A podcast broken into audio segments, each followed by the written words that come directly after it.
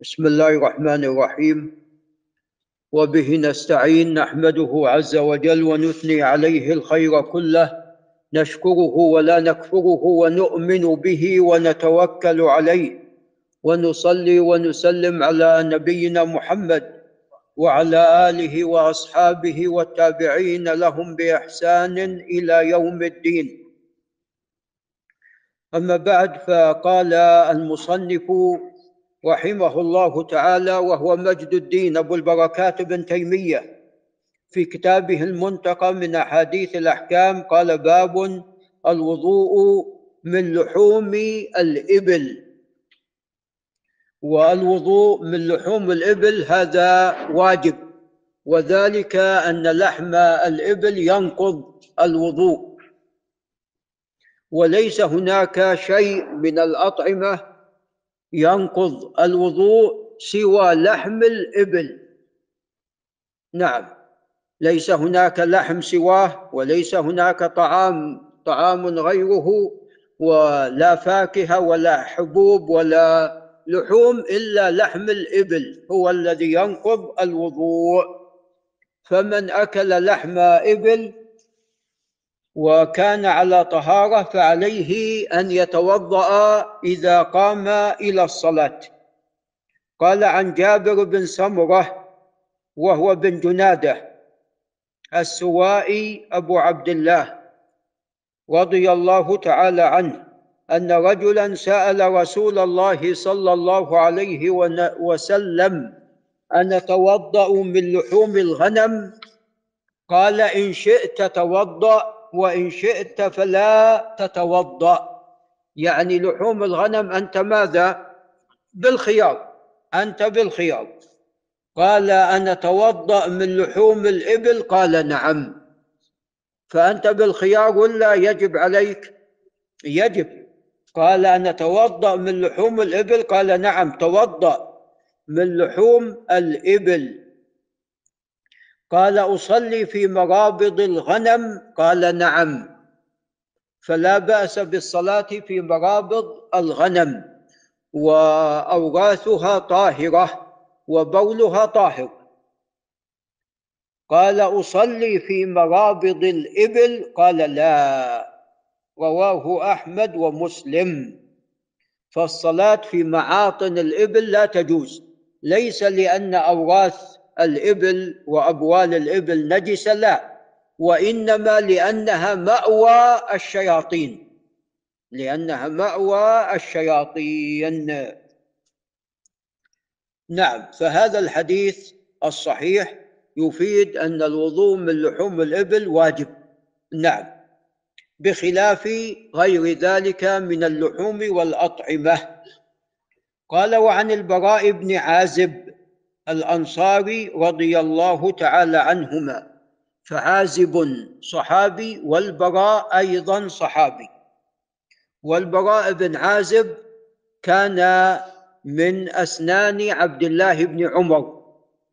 سنهما متقارب هو مع عبد الله بن ابن عمر رضي الله عن عن ابن عمر وعن البراء. وقد عرض عليه في أحد فلم يجزهما ولكن حضر الخندق. قال سئل رسول الله صلى الله عليه وسلم عن الوضوء من لحوم الإبل فقال توضؤوا منها. اذا هذا أمر توضؤوا منها. وسئل عن لحوم الغنم فقال لا توضؤوا منها يعني لا يجب عليكم. وسئل عن الصلاة في مبارك الإبل فقال لا تصلوا فيها فإنها من الشياطين. وجاء بأنها مأوى الشياطين وجاء بأن على ذروة كل بعير شيطان. نعم. قال وسئل ولأجل هذا من الحكمة الوضوء من لحوم الإبل وأن الحكمة في ذلك والعلم عند الله عز وجل وأن الوضوء يزيل ذلك يزيل أثر لحوم الإبل. نعم. وقد حدثني الشيخ وازع ويعرفه أبو محمد. نعم. أن ويبدو أن القصة يعني قديمة قد تكون أن شخص وصف له لحم الذئب يتعالج به. وهل يجوز التعالج بلحم الذئب؟ لا ما يجوز. نعم الأشياء المحرمة لا يجوز. نعم. ما جعل الله عز وجل دواء هذه الأمة في الحرام فجاء واحد منهم كان يسرح بالغنم فوجد على النار اللحم قام أكله فأصبح شره أصبح شرها نعم. فهذه الحيوانات أو لحوم بالأحرى هذه الحيوانات مؤثرة. كما أن مصاحبة هذه الحيوانات لها تأثير. يعني بالنسبة للإبل تورث القسوة والشدة لأنها شديدة وقاسية. والعرب تقول أحقد من جمل. فالجمل يحقد. نعم. بخلاف الغنم فإنها تؤثر بالسكينة في صاحبها. نعم ولذا في الحديث الصحيح ما من نبي إلا وقد رعى الغنم وفي وفي المثل من رعى الغنم رعى الأمم. نعم فالغنم لأنها فيها سكينة وفيها ضعف تؤثر تؤثر على صاحبها بالسكينة والشفقة. نعم والله أعلم بخلاف الإبل. هذا في الحيوان ما بالك بالإنسان؟ إذا لا تصاحب إلا أهل الإيمان وأهل الإحسان وأهل التقوى حتى تتأثر منهم بالخير الذي معهم. بخلاف أصحاب الشر والفساد الإنسان يتأثر بهم نعوذ بالله من ذلك. نعم. ويحكى أن عمر بن عبد العزيز أوتي له بناس قد شربوا قد شربوا الخمر فقال واحد منهم أنا لم أشرب.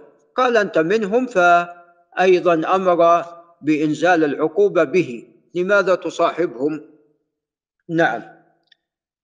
قال وسئل عن الصلاة في مبارك الإبل فقال لا تصلوا فيها فإنها من الشيطان. وسئل عن الصلاة في مرابض الغنم فقال صلوا فيها فإنها بركة. رواه أحمد وأبو داود وهو حديث صحيح. قد رواه الأعمش عن عبد الله بن عبد الله الرازي عن عبد الرحمن بن أبي ليلى عن البراء بن عازب. وهذا إسناد صحيح. ولذا صححه الإمام أحمد وإسحاق بن راهوية وأبو بكر بن خزيمة. فالإمام أحمد وإسحاق بن راهوية قالوا صح في الباب حديثان حديث جابر بن سمرة وحديث البراء بن عازب. قال وعن ذي الغرة الجهني وقيل أنه من بني هلال. وذي الغرة هذا لقب له واسمه يعيش. قال عرض أعرابي لرسول الله صلى الله عليه وسلم ورسول الله صلى الله عليه وسلم يسير وهو ماشي. فقال يا رسول الله تدركنا الصلاة ونحن في أعطان الإبل أفنصلي فيها؟ فقال لا. قال فنتوضأ من لحومها؟ قال نعم. قال فنصلي في مرابض الغنم؟ قال نعم.